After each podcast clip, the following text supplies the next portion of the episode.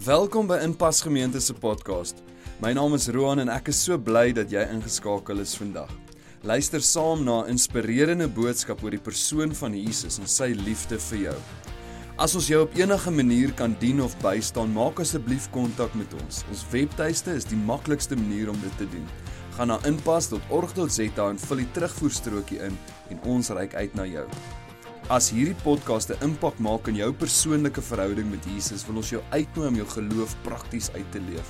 Jy kan dit doen deur vrygewig te gee sodat Inpas Gemeente die goeie nuus van Jesus kan verkondig. Kyk gerus op inpas.org.za hoe om 'n bydrae te maak. En nou, sit gerus terug en geniet die boodskap.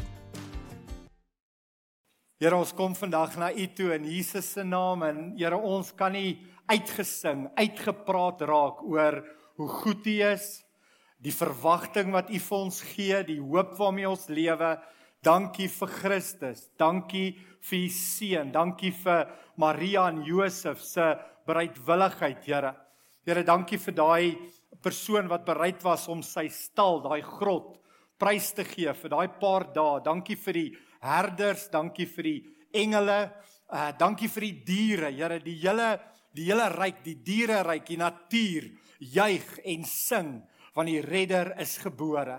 Ons sê vir dankie vir hierdie seisoen waarin ons nou ingaan, Here, en ons vier die geboorte van die seun. Ons vier ons redder se geboorte, Jesus Christus. Ons eer U vandag, Here. Mag U naam verheerlik word. Mag U naam groot gemaak word. Is ons gebed in Jesus se naam. Amen. Ek wil graag 'n paar gedagtes met julle deel. Hierdie tyd waarin ons nou ingaan, staan bekend as die Adventtyd. En die Adventtyd, ehm uh, die betekenis daarvan is eintlik maar verwagting. Dit beteken 'n 'n um, 'n afwagting. Jy jy wag vir iets, maar jy wag met hoop. Dis verwagting met hoop. Nou ek wil graag vir julle 'n foto wys van my ehm um, kan julle kan julle dink wie was dit gewees? Hy is in ons gesin lyk dit soos ek toe ek 'n klein babatjie was.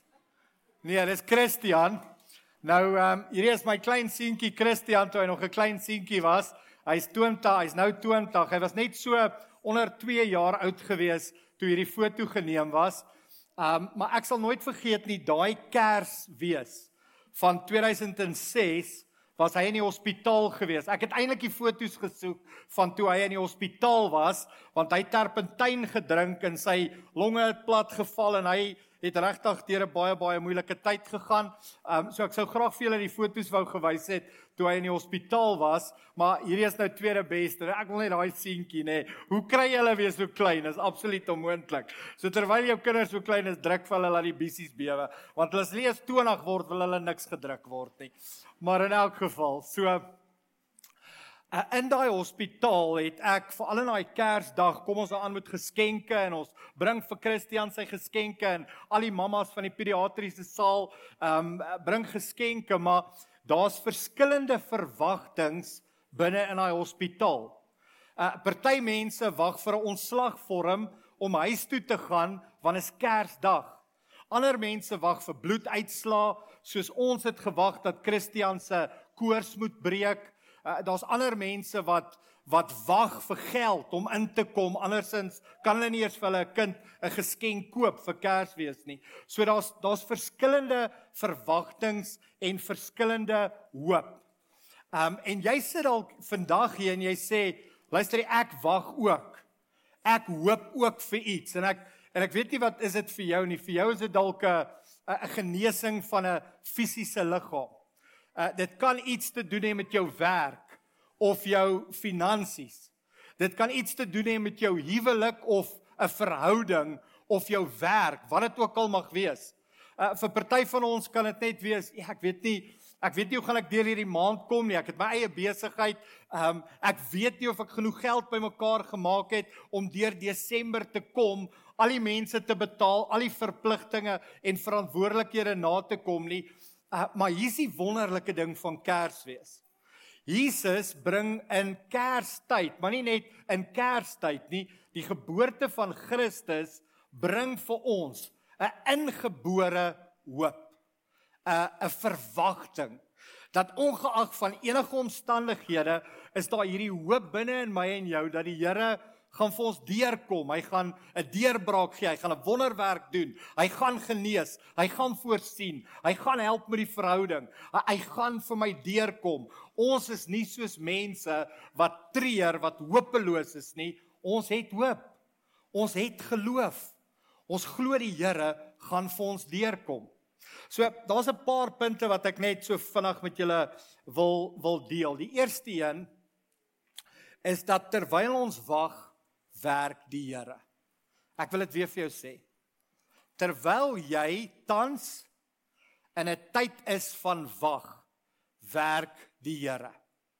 Hy werk baie keer net met jou. Hy werk met jou gesindheid, hy werk met jou hart. Hy, hy werk met jou vooropgestelde idees. Um hy werk met jou emosies. Hy's besig om te werk binne in jou. Maar hy werk ook aan die situasie waarvoor jy bid. Hy's besig om dinge te skuif in die agtergrond wat ons nie eers weet um geskuif moet word nie.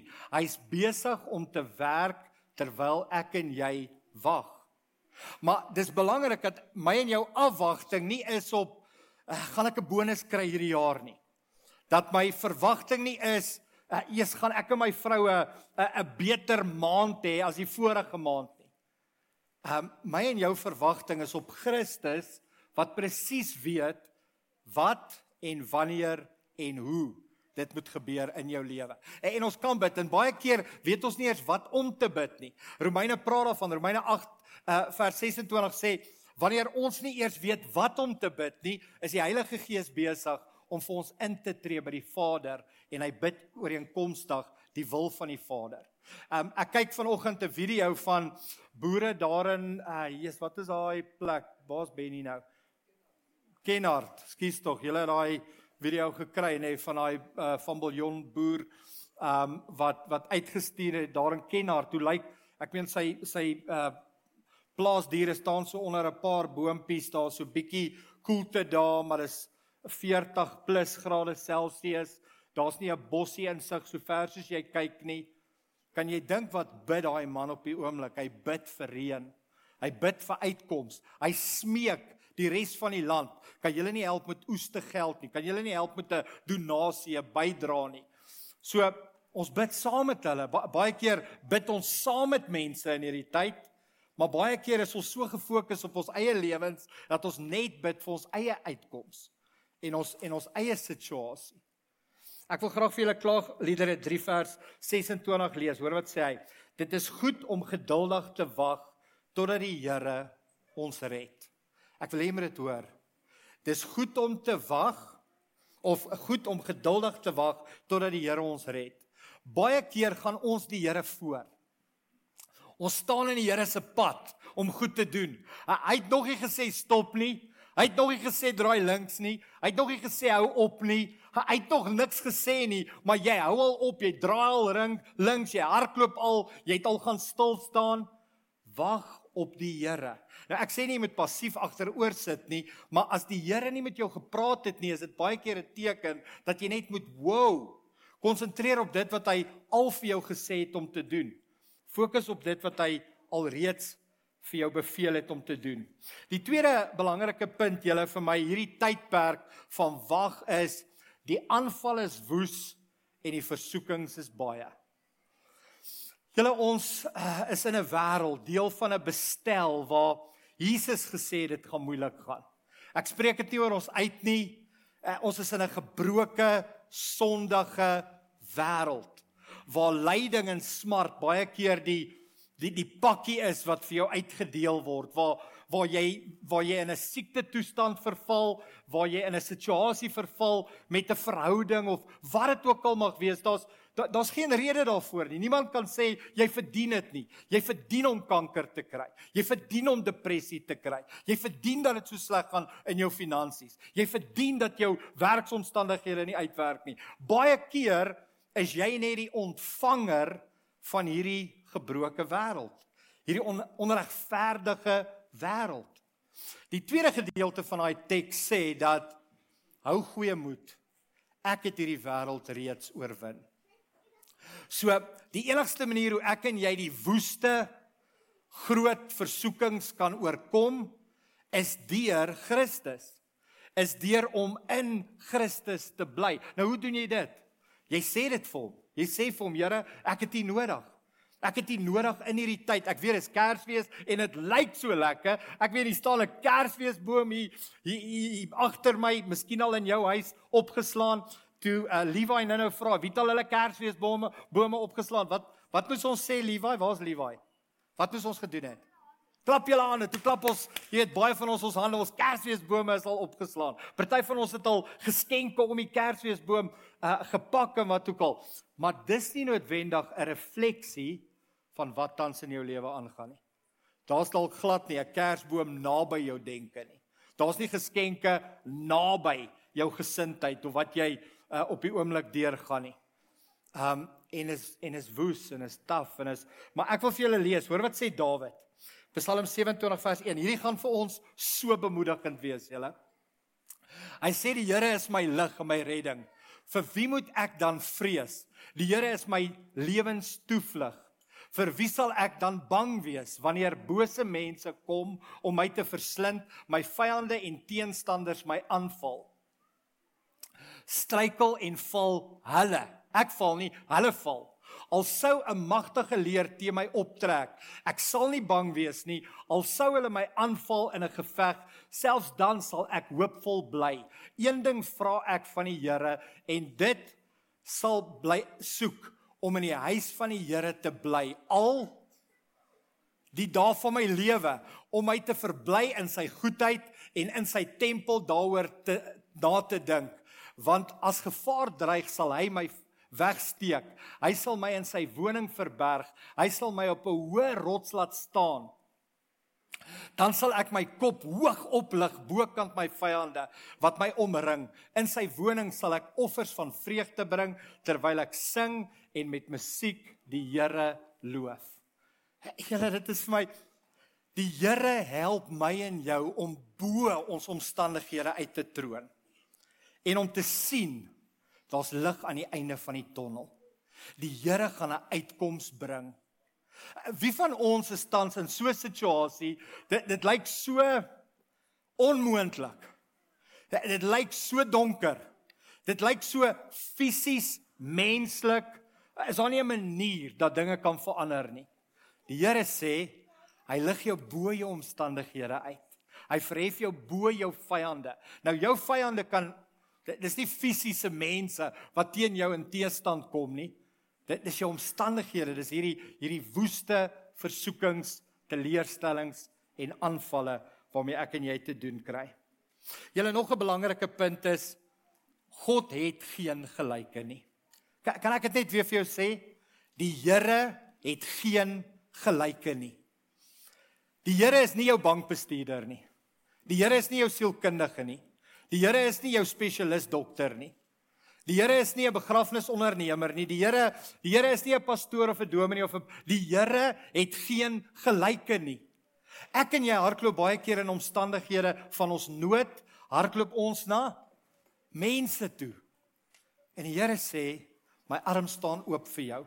Daar's geen gelyke Niemand kan met my vergelyk word nie. Ek is die sterkste, grootste, beste, almagtigste God. Niemand man niemand kan met my vergelyk word nie. Nou julle op hierdie stadium in ons gemeente ek kyk nou na Amorensha en Jaco. Amorensha se pa het nou onlangs 'n beroerte gehad. Uh, hoe lank is dit Amorensha? Dit was donderdag het hy 'n beroerte gehad. Roan se pa het oor die naweek verlede verlede naweek het hy 'n beroerte gehad. Sondag. Ehm um, dan is ek kan nie nou vir Liesel hulle hierso sien nie.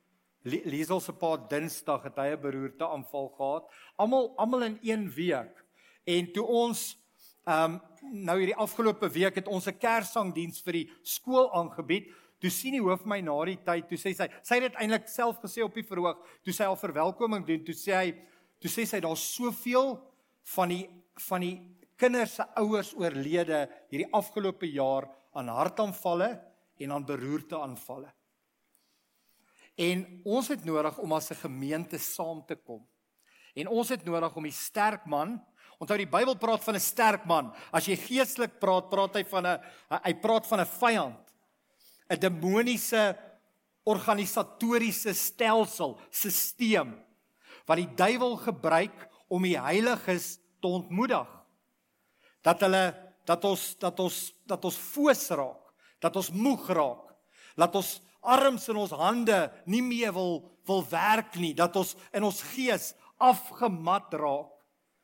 Daar's geliefdes hierdie jaar in ons gemeente oorlede.